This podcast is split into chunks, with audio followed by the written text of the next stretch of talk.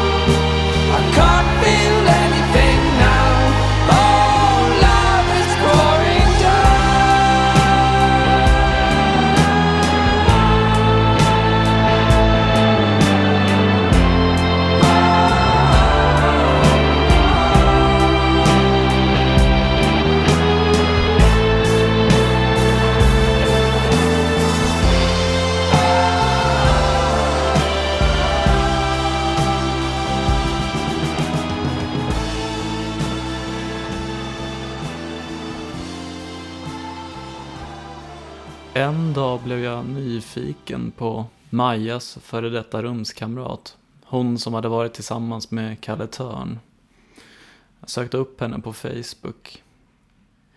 Väggen var fylld av folk som la upp bilder med henne och skrev saker om att de saknade henne. Gråtsmileys. Hon hade alltså dött bara några dagar tidigare verkade det som. Tvekade en stund innan jag skickade iväg ett sms om det till Maja. Samt en påminnelse om att det var den där Mats Jonsson-releasen ikväll. Jag satt på bussen på väg dit. När jag kom in till stan och gick upp vid Skanstull mot Larrys Corner skrev hon att hon nog inte skulle dyka upp. Hon var för trött efter jobbet. Det skulle inte börja på lite mer än en timma. Jag hängde på låset. Så jag inbillade mig att jag kunde övertala henne ändå. Jag skrev att hon kunde få två Medikinet av mig. Det är typ som Ritalin, snabbverkande metylfenidat. Då skulle hon allt bli pigg. Nej, jag orkar inte. Kanske. Kanske, men hoppas inte på något. Okej. Okay. Det var trevligt ändå. Jag satt och pratade med David Liljemark och Mats. Releasefesten var för en serietidning, eller ett väldigt välproducerat fanzin som Mats hade släppt. Självbiografiskt som vanligt, lite return to form. Kul. Simon dök upp. Jag tog upp det där med att Majas för detta rumskamrat hade dött. Alla tre hade vetat vem hon var och tyckte det var mycket sorgligt. Jag drack lite öl. Kollade på min mobil. Har hon skrivit nej? Hon kommer väl inte dyka upp. Jag köpte ett fanzin till mig och ett till Maja och fick dem signerade båda två.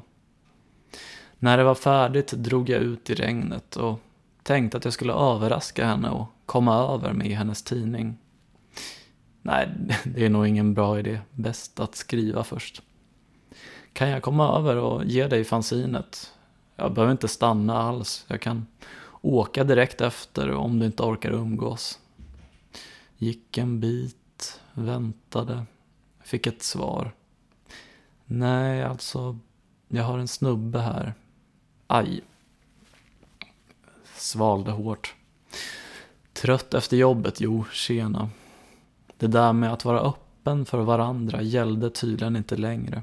I see you everywhere around I hear your voice in every sound And though I know that it just couldn't be Something responds me And I am hopelessly beyond myself So I shout Hey princess, won't you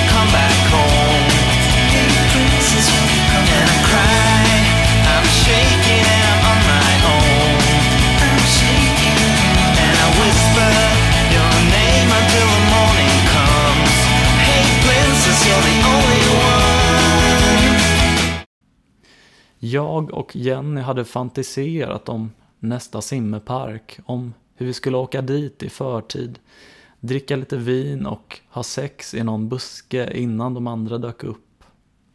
Nu var det dags. Men Jenny var fortfarande i Manchester vad jag visste. Det var tyvärr inget löfte. Den här gången fick jag äran att podda innan.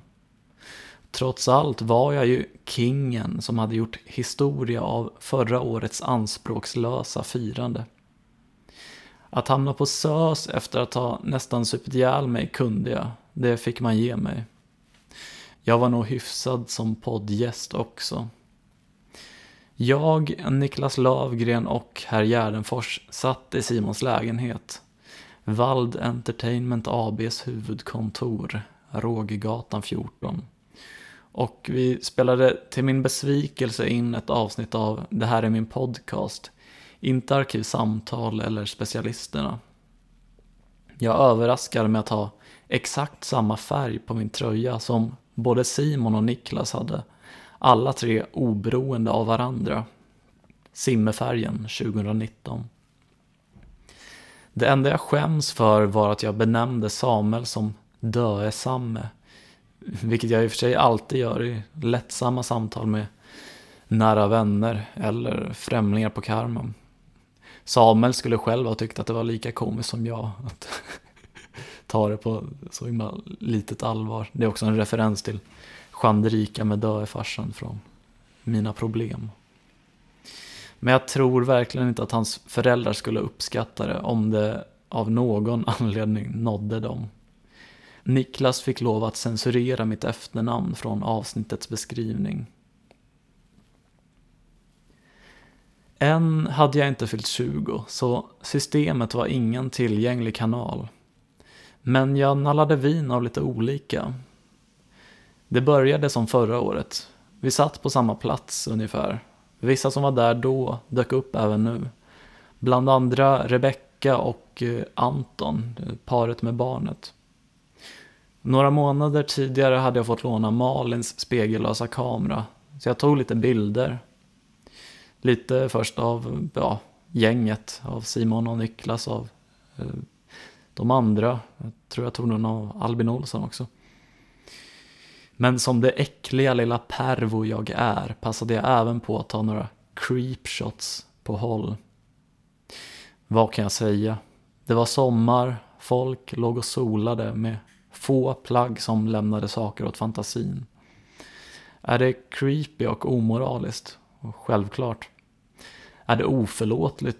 Inte i min mening. Jag var diskret så ingen blev drabbad och det var endast för privat bruk.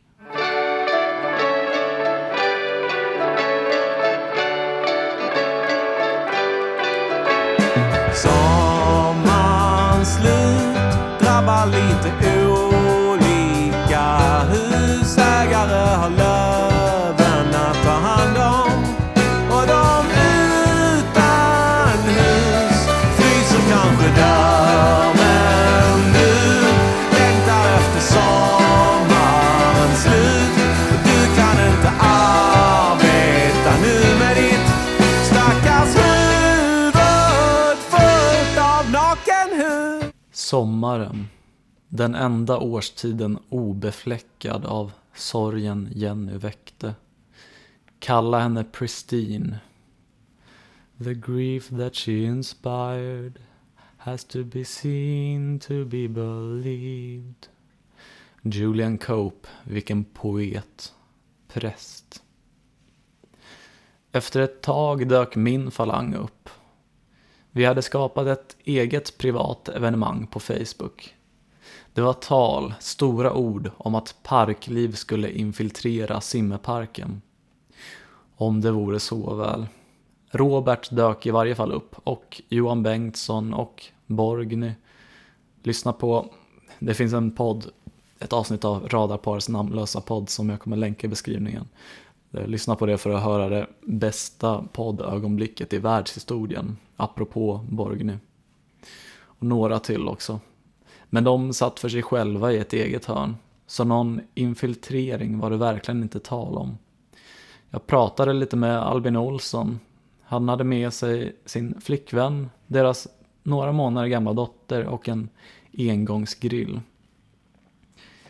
Robert lovade bort sin Live at Österåker-vinyl med Johnny Cash till Albin i utbyte mot att han skulle göra reklam för Roberts solopodd Dystemia i Specialisterna. En jävla slapp reklam må jag säga. Köpslå aldrig med humorns våldtäktsman. Och Maja, jag hade bjudit in henne. Hon kunde kanske komma en stund. Vilket i de allra flesta fall är synonymt med nej. Men hon dök faktiskt upp. Hon var inte ensam. Med henne hade hon kompisparet som hon brukar ha trekant med. Leo och Kristina. De var trevliga och socialt kompetenta. Snygga. Karismatiska, nästan lite för mycket. Det blev det gänget jag umgicks med resten av eftermiddagen. Maja pratade lite med Simon. De hade inte setts på typ tio år. De pratade om Kalle Törns framlidna ex. Spekulationen om dödsorsaken ska nog stanna mellan dem i parken den dagen och inte tas upp nu i, i en podd. När vi var klara, det vill säga när Maja var tvungen att dra, fick jag en stor kram. Leo fick en kyss. Det kändes i bröstet. Inte bara det, anledningen till att Maja drog när hon gjorde var att hon skulle träffa en kille. Jag, Kristina och Leo tog följe och vi skildes åt vid Flemingsberg, de bodde där.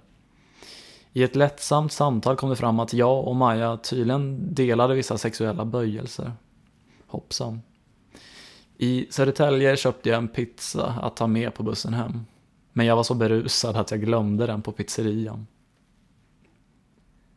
Ett par dagar senare var jag faktiskt hemma hos Maja för första gången på ett bra tag. Jag var trött och deppig, skrev till henne efter jobbet. Hon satt hemma med sina barn. Det måste ha varit helg. Och de skulle äta glass. Ville jag hänga på? Ja, visst, varför inte? Det var tydligen första gången någonsin som, som hon hade över ett ligg för att träffa sina barn. Eller ja, vi kanske inte hade den relationen. Hade inte haft den på ett tag åtminstone. Men det kändes stort ändå. De var gulliga och inte så jobbiga som jag hade förfarit. Pojkebarnet var kring tio år gammal. Han spelade Minecraft på sin mobil och ville visa mig. Kul. Jag hade själv spelat Minecraft väldigt mycket när jag var typ i hans ålder. Sen satt jag och Maja på balkongen och jag spelade upp det vita giftet av de viktiga skorna. Music det vita giftet. Här är en sång om allt. Jag vet du trodde men jag menar inte ladd. Jag pratar om säden som kommer ut ur dig med en explosion. Ett vitt gift som dväljes i var mans pelvis. Gör dig spattig som Elvis. Gör att du säger och gör en massa dum skit nog. Och aldrig får du heller någon absolution. Har sett så mycket vitt skit i mitt liv. Dränkt mig själv som båtgigget med Miss Li. Ingen sa något att detta skulle hända mig då. När jag jagade en motherfucking slända med hår. Innan jag behövde gå försökte jag stjäla en kyss från Maja när vi stod i köket. Men hon avbröt den. Kanske för att någon av ungarna skulle riskera att komma in och bevittna det. Det var den orsaken hon hade i alla fall. Kanske för att hon bara inte hade lust att göra det med mig. Det skulle dröja tio dagar tills vi sågs igen. Jag hade jobbat den dagen. Kristina bjöd med mig till att dricka vin i Vitabergsparken med henne, Leo och några av deras kompisar. Jag tackade ja. Kristina och jag hade skrivit lite med varandra. Mestadels var det jag som frågade hur hon hanterade svartsjuka kopplad till det sex hon hade med både pojkvännen Leo och med Maja. Det var ganska lätt att vara social när det bara var vi tre i parken. De var ju som sagt väldigt rutinerade. Lite svårare blev det när en av deras kompisar kom, femte hjulet och så vidare. Framförallt blev det krångligt när Maja dök upp. Vi hade inte hört, alltså hon hade inte svarat på flera dagar, en vecka typ. Senast hade jag undrat om jag kunde komma hem till henne just den här kvällen. Det var den 20. Eh, jag fyllde år den 21 så nästa dag skulle jag bli systemet myndig. Jag såg framför mig en mysig kväll där en gnista kanske skulle tändas åter. Men hon hade inte svarat. Och jag hade ingen aning om att hon skulle dyka upp nu, inte ens att hon blivit inbjuden. Det kändes stelt, men vi hälsade. Någorlunda formellt. Vi kramades inte ens. Jag var lite bredvid i det större sociala sammanhanget. Speciellt med tanke på den förändrade dynamiken. Men jag var optimistisk om att jag skulle värmas upp och få en plats. Så jag frågade om det fanns någon ledig sovplats. Så att jag kunde stanna längre utan att behöva bry mig om avgångstider på bussar. Nej från Leo och Kristina. Och Maja, ja, nej, det gick inte. Hon skulle inte sova hemma nämligen. Det började kännas i magen. En jävla apknut. En scout satt där inne och arbetade för fulla muggar. Därefter gick det ut för. Jag satt ensam men inte själv och bara lyssnade på deras konversation. Droppen rann över när de helt casual pratade om en fest där en kille hade knullat Maja mot köksbänken. Jag kan inte beskriva det mindervärde jag kände där och då. Vad fan gjorde jag? Varför befann jag mig i detta sammanhang? Jag hör inte hemma här. Jag hör inte hemma här. Jag hör inte hemma här. Alla andra var coola människor, de var snygga och kunde föra sig normalt och öppet bland alla möjliga sorters folk. Jag var en liten ful tönt som inte var populär, jag hade knappt några kompisar och jag hade verkligen inte ett så avslappnat och okomplicerat förhållande till sex för att i förbifarten nämna att jag knullade någon mot en köksbänk. Jag var mig själv. Så jag gav upp. Reste mig, sa kortfattat att jag behövde gå, men det var trevligt att träffas och hej då. Efterspelet blev magnifikt. Efter ett par månader av nej, var inte rädd för att du ställer krav. Du måste ju få säga hur du känner. Jag gillar ju dig och klarar av det. Vände Maja på ett och skrev att hon inte orkade med mig längre. Hon var trött på drama. Kristina blockerade mig på Facebook.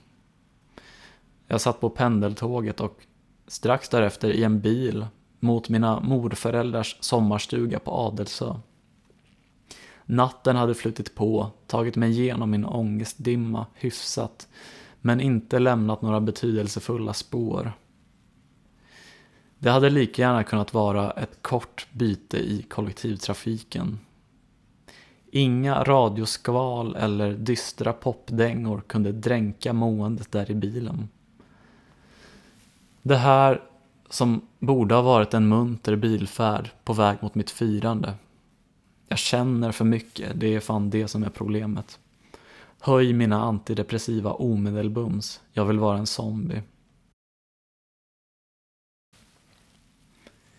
Helt klart min sämsta födelsedag dittills och hittills. Jag ville bara ligga i min säng och sova.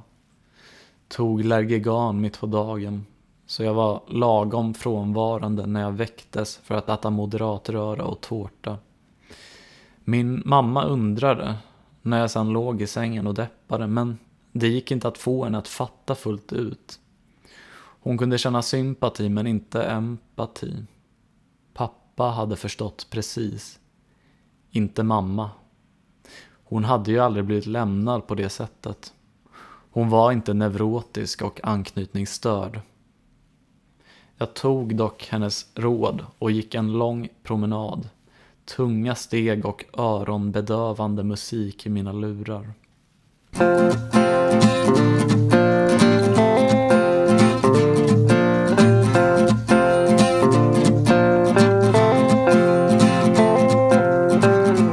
You should know that I'm scared of closed doors. The mere sight of one makes me shiver. Myggen har inte kommit än i alla fall. Man får se det positiva i det lilla. I don't know what lies behind them, but I have learned from the past best. If I open them, things might start to get worse. I don't know how, I don't know Jag måste dricka vatten när jag kommer tillbaka. Och hoppas att de inte stör mig. Hoppas jag får sova igenom den värsta smärtan. Det är min födelsedag, ge mig a break. I open them, things might start to get worse.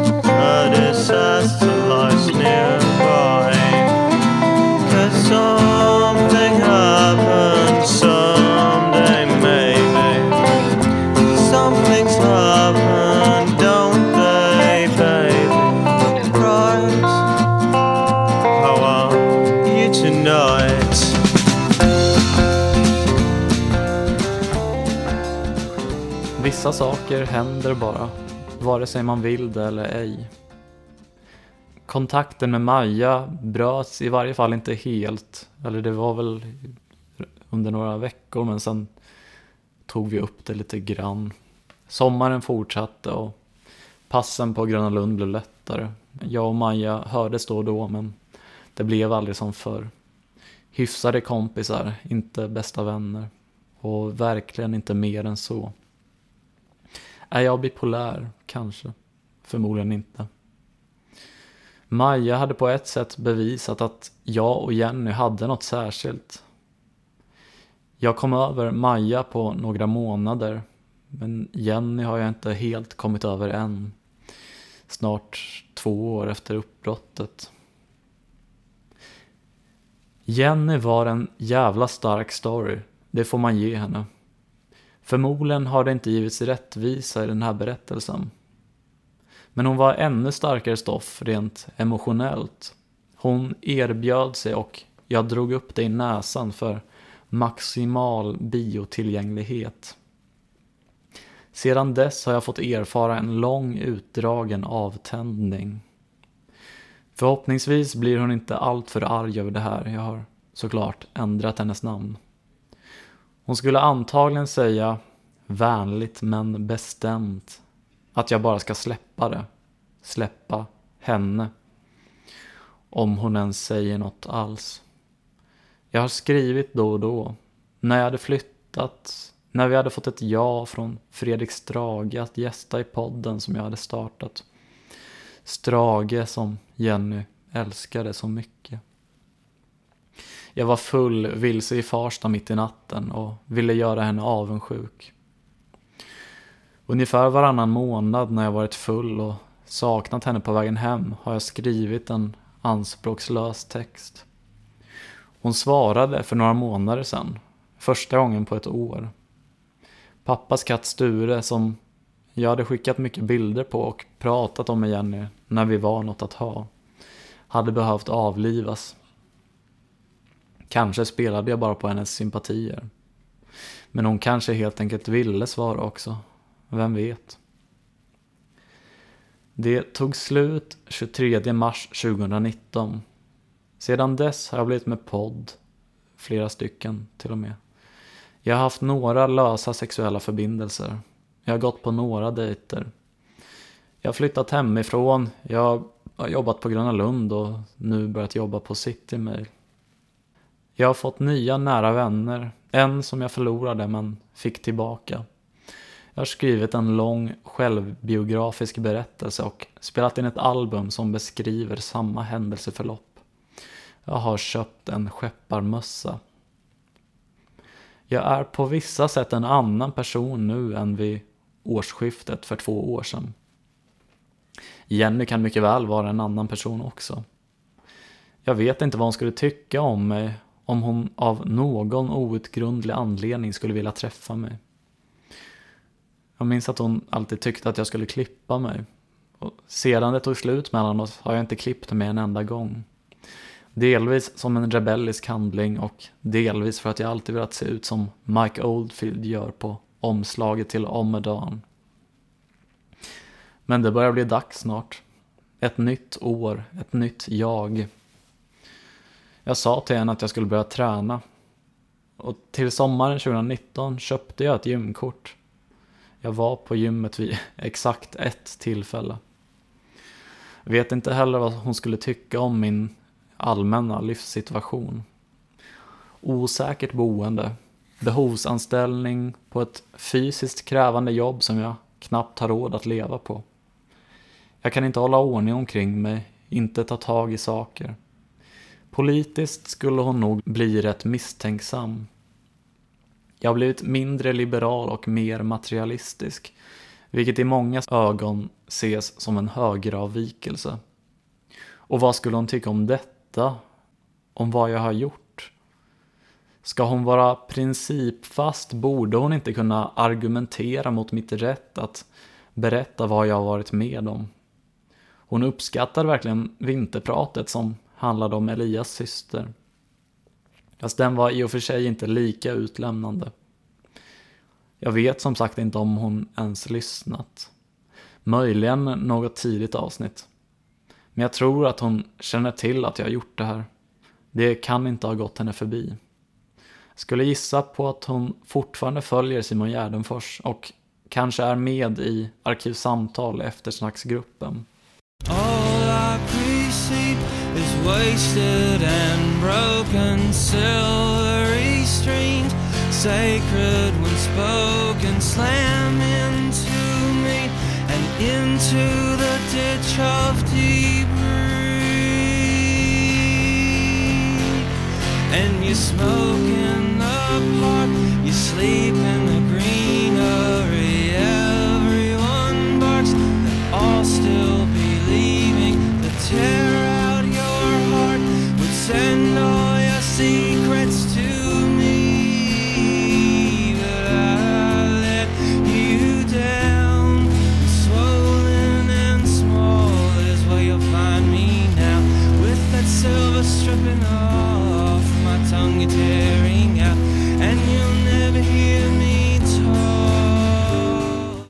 Vem har skulden i att en relation tar slut? Har bara en person gjort fel när två träter? Ett pragmatiskt förhållningssätt är att se på det hela med en vulgär determinism. Det blev som det blev för att det inte kunde ha blivit annorlunda. Ur någon metafysisk synvinkel, ja det kanske stämmer.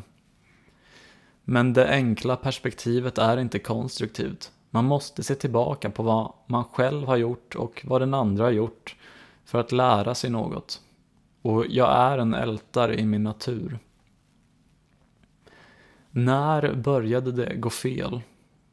Första riktiga konflikten var kvällen efter hotellnatten. Då var det riktigt nära att ta slut. Kanske var det så att jag därefter bara levde på lånad tid. Åldersskillnaden var såklart ett stort hinder för att något seriöst skulle utvecklas. Nog mer för Jenny än för mig. Men större var väl att vi befann oss på två olika platser, både geografiskt och i livet. Det var de orsakerna Jenny gav då i alla fall. Men redan innan det hade hon ju verkat rätt osäker. Vi pratade ju ett par gånger om, eller ja, hon tog upp att hon var rädd att känslorna inte skulle finnas där när vi träffades igen. Det i sig visade sig inte stämma, tror jag åtminstone. Men i kombination med lite annat så målade jag upp en fresk av att hon inte visste hur hängiven jag var eller hon var. Eller hur hängivna någon av oss egentligen borde vara. Samtalen om att vi skulle vara på vår vakt för djupare känslor. Vår gemensamma rädsla att såra den andra. Det är väl inte så folk beter sig när något seriöst är på gång. Det var aldrig meningen att det skulle bli något mer än en flört. Inte Jennys mening. Och jag, det var första gången jag var med om att någon visade intresse för mig på riktigt. Jag hade ingen mening, ingen plan. Jag blev helt betagen av henne och av uppmärksamheten jag fick och fick utlopp för. Jag tog det som det kom. Det är lättare att peka ut specifika saker som hanterades dåligt efter årsskiftet. I fördjupningen av min depression tog jag verkligen god tid på mig att svara. När vi pratade där kring nyår hade jag uttryckt att jag trodde på oss, att jag ville kämpa trots att oddsen var emot oss. Men det var mycket snack och lite hockey. Jag mådde dåligt och Jenny försökte hjälpa mig må bättre med sin uppmärksamhet. Men jag ljög för henne om orsaken. Jag vanvårdade relationen som hon väl försökte rädda. Men jag älskade henne. Det var inte relationen det var fel på, det var mig. Och jag tror inte att hon kunde rädda mig. Det kan nog ingen enskild person göra. Jag borde ha sökt upp psykvården tidigare än jag gjorde. En del i osäkerheten kring oss var väl att vi aldrig hade haft det där snacket på riktigt. Jag kunde inte förmå mig att sätta ord på vad jag ville eftersom jag inte hade en tydlig bild. Jag ville bara att hon skulle finnas kvar i mitt liv. Och jag var lite rädd för att höra vad hon ville att vi skulle vara. Antingen att hon skulle vilja mer än jag, eller att hon skulle vilja mindre. Så vi definierade aldrig vår relation. Hon påstod ju till och med att vi aldrig hade varit tillsammans. Jag blev väldigt sårad när hon berättade att hon hade haft sex med sin granne. Men på grund av vår suddiga inramning kände jag inte att jag hade rätt att göra en stor grej av det. Hade vi haft en uttalad relation vore det lätt att säga att hon svek och bedrog mig. Att hon hade varit otrogen. Nu var det inte så och jag var väldigt snabb att förlåta henne. Jenny trampade inte på mig med flit. Hon förstod ju inte ens att det hon hade gjort var fel förrän jag reagerade som jag gjorde. Incidenten där jag började gråta i hennes vardagsrum när vi spelade Mario står ut i mitt minne. Jag kan mycket väl tänka mig att det står ut för henne också. Hon hamnade i en position där hon hade behövt trösta mig som ett barn som grät. Där hon blev min jävla mamma. Och det ville hon inte bli. Jag tror att en sak blev tydlig där. Hon må ha varit väldigt ungdomlig för sin ålder. Hon betedde sig som en 25-åring, trots att hon snart skulle vara 40. Men hon var ändå något sånär uppstyrd. Hon var ändå vuxen. Visst finns det verkligen något sexigt i rollerna, åldersskillnaden. Men få personer vill ha ihop det med en jävla omogen unge. Det är inget att satsa på. Samtidigt är jag tveksam om, om just det var den stora droppen som fick bägaren att rinna över. Hon kan mycket väl ha börjat ge upp redan ett par veckor tidigare. Jag hade märkt hur hon visade mindre uppmärksamhet. Hon kanske märkte att det var ett Sisyfos-arbete att lappa ihop vår relation. Jag var orubblig. Troligen tolkade hon det som att jag inte var intresserad av oss. Av henne. Inte så konstigt, även om det inte var så. I början blev hon smått desperat, gav mig mer och mer uppmärksamhet, men jag ryggade tillbaka. Det blev bara mer krav och mitt svaga psyke tålde inte det. Till slut såg hon det som hopplöst och hon tappade hoppet. Besöket i Manchester var dock ett hopp. Kanske skulle saker bli bättre då. Kanske skulle gnistan komma tillbaka på riktigt och bilda ett shit som höll ihop oss. Gjorde den det? Inte tillräckligt mycket. För min del, visst. Från Jennys perspektiv, eh, inte riktigt. Men det finns andra förklaringsmodeller. Att hon satt och skrev när vi såg på film. Vem var det som stal hennes uppmärksamhet? Jag tror inte att hon hade träffat den nya då. Men kanske hade hon i smyg börjat träffa sitt ex igen. Sedan raserades allt emellan oss. Jag blev desperat och hade ändå fortfarande hopp om något mer. Som jag inte uttryckte i ord men förmodligen i handling. Jenny gick runt i ett förvirrat känsloläge. Ärligt talat tror jag inte att hon slutade tycka om mig. Åtminstone inte förrän jag hanterade uppbrottet så omoget.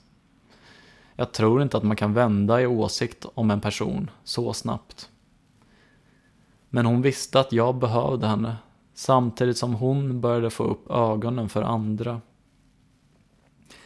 På samma sätt som hon inte hade sett mig i ögonen eller kollat åt mitt håll när jag satt på bussen kunde hon nu inte vända sig rakt emot mig och se mig i ögonen eftersom det fanns en dissonans i hennes hjärta och hjärna.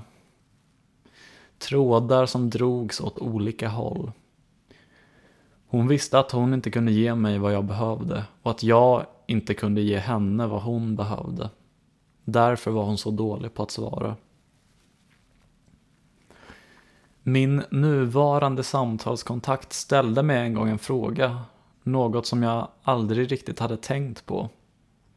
Varför blev Jenny intresserad av mig från första början? Hon sa inte det som en diss mot mig, men en, det var en tankenöt likväl. På en grundnivå. Även om jag har väldigt låga tankar om mig själv och mitt värde kan jag ibland se och jag såg det definitivt speglat genom Jennys blick. Att jag har en del goda kvaliteter. Jag är kreativ. Jag tänker mycket så jag har väl en del intressanta tankar. Jag har väldefinierade höftben. Jag är hyfsat bra på många saker. I goda stunder kan jag se rätt bra ut faktiskt, även om goda dagar är få. Och vi klickade väldigt bra. Vår personkemi var fantastisk. På en djupare nivå. Jenny hade en drift att ta hand om mig. Hon såg en person med potential som han själv inte insåg. Någon som såg på sig själv med förakt och självömkan. Någon hon kunde rädda. Ett projekt. Hon jobbar ändå som projektledare. En annan viktig sak var att hon befann sig i en relation som hon, som hon inte var nöjd med. Men som hon inte kände sig driven nog att ta slut på. Love you too much to leave, don't like you enough to stay. En gång frågade jag henne om hon någonsin hade varit otrogen. Det hade hon faktiskt varit en gång när hon befann sig i en olycklig relation som hon ville ta sig ut ur. Nu fyllde jag den rollen perfekt.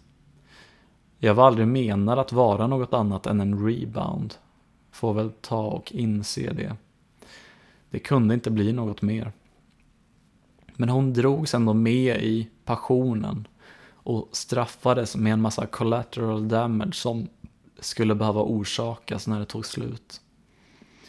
That you look at me That you'd stop and see and get punished for quenching the thirst That you'd gotten there first and you're already sane when I still had a way to go Ska man vara riktigt orättvis så var jag ung och oerfaren. En arbetare som inte kände till sina rättigheter. Som man kunde utnyttja, slita och slänga. Men jag kan inte riktigt se Jenny i det ljuset. Jag tror bättre om henne. Man kan tycka att jag sedan det tog slut borde ha blivit ett och ett halvt år visare, mer erfaren. Men fan, jag är fortfarande i grunden samma människa. Jag ältar det förgångna och tar mig igenom nuet efter minsta motståndets lag. Framtiden är nog ingen framtid för mig. Jag längtar efter den stora kärleken, men jag fruktar att hon redan har passerat. Jag kan fortfarande bli helt paralyserad av att stöta på henne oförberedd i något kommentarsfält i en eftersnacksgrupp. Min grundinställning till mig själv är förakt, även om den tillfälligt kan stävjas av bekräftelse från någon med potential att krossa mig. Jag knyter an för lätt och blir djupt sårad av en avvisning efter bara en bra dejt. Samma jävla pojkvasker. Har jag lärt mig något så är det att det aldrig blir bättre. Man vänjer sig bara vid det dåliga. Tack för mig. Lovelen 2019 till 2020. PS, nu får ni fan lyssna på låten jag ska spela upp här. Det är det bästa jag någonsin har skrivit och spelat in.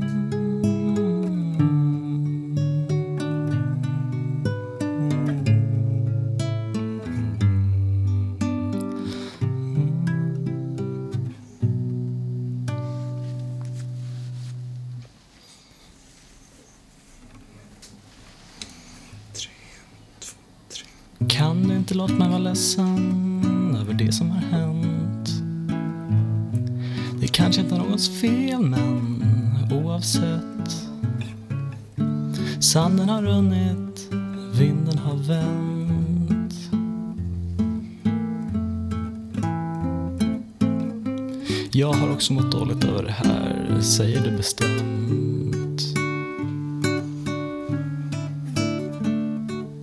Jag saknar inte någon annan, jag saknar mig själv. Du är bara en version, en ridå efter eld. Som gömmer en pojke förtjänt av en smäll.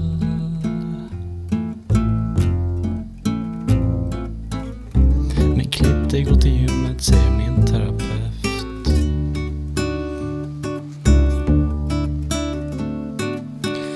Jag vill inte se din glädje, jag vill höra din gråt. Och torka dina tårar och bli glad efteråt. Men jag kan inte trösta som han gör den där. Tillsammans är ni styrka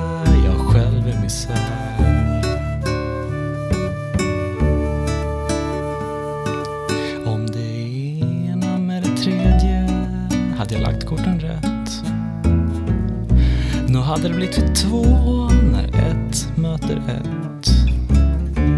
Om jord blev till vatten och vatten till vin.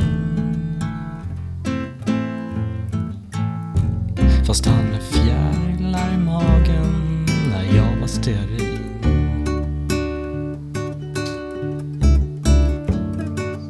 Du säger snälla saker som att jag är fin.